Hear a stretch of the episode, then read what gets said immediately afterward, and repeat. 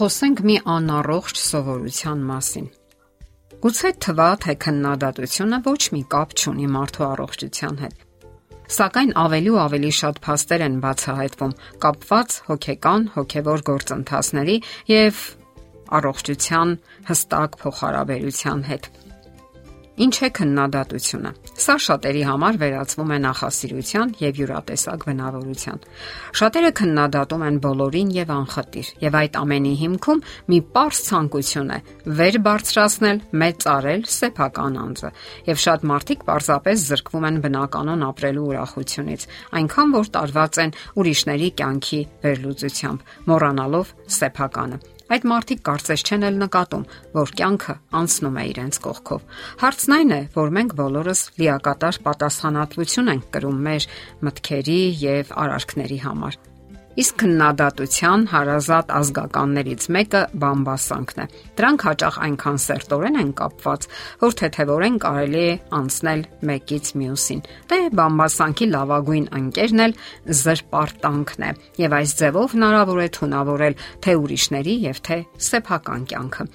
Մարդիկ ոչ հազվադեպ այնքան նյարդային ու հուզական էներգիա են վատնում անիմաստ ու անօգուտ զրույցների վրա, որ պարզապես հիվանդանում են։ Իսկ քննադատություններին սովորաբար հետևում են parzabanumները, parzabanumներին էլ վիրավորանքները, գրգռված ու բարձր հուզականությամբ վիճաբանությունները վիրավորելը, վիրավորվելը, անիմաստ parzabanumները դառնում են կյանքի սովորական ընթացք, որոնք անհետևանք չեն անցնում ֆիզիկական առողջության առումով, չէ՞ որ նմանատիպ parzabanumները սովորաբար անցնում են լարված մթնոլորտում։ Պարզվել է նաև վիրավորելու բացասական հետևանքները մարդու առողջության վրա։ Վիրավորվելու հակված մարդիկ ունենում են հուզական հիմնախնդիրներ՝ ներքին լարվածություն, գրգռվածություն, բարկություն, որոնք բոլորն առանձին առանձին եւ իրար հետ համադրած առողջական լուրջ հիմնախնդիրներ են առաջացնում։ Նշենք դրանցից մի քանիսը. նյարդային ցնցումներ, նևրոզներ, սիրտանոթային հիվանդություններ, արյան ճնշման բարձրացում եւ այլն, որովհետեւ նման զրույցների ժամանակ, ինչպես ասում են, փլավ չեն բաժանում։ Սովորաբար հնչում են վիրավորական խոսքեր, թուն դարտահայտություններ, երբեմն էլ հայհոյանքներ, եւ այս ամենը անհետևանք չի անցնում։ Դեռևս հազարամյակներ առաջ Աստվածաշնչում այսպիսի հորդոր նախազգուշացում է տրված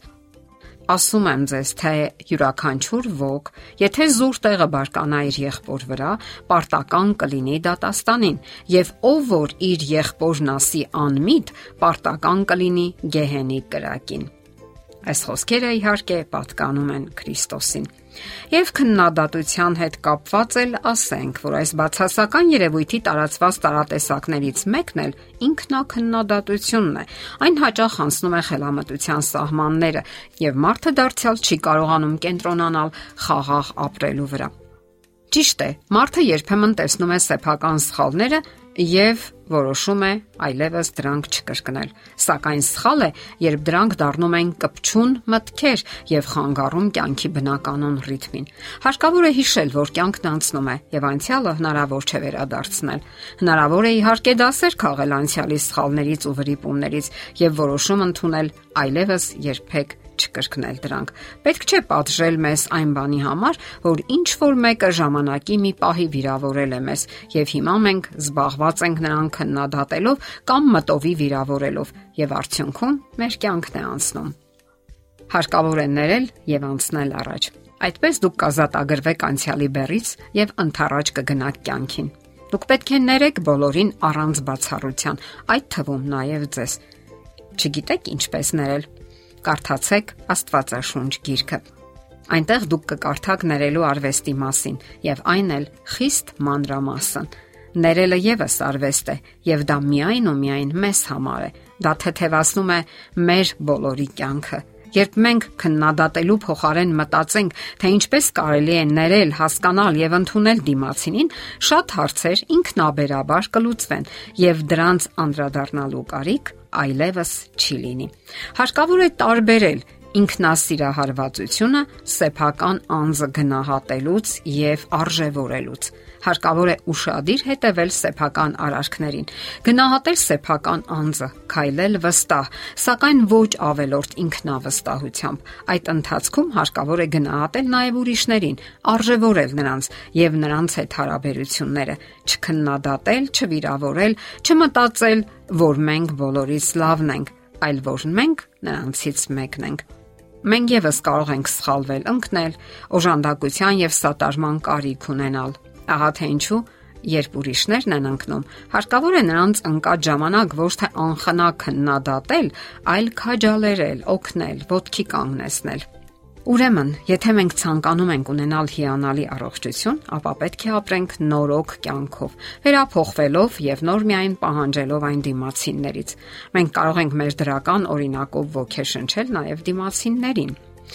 եւ նրանց մեջ էլ կդիտվեն այդ դրական փոփոխությունները։ Իսկ կյանքը այնքան կարճ է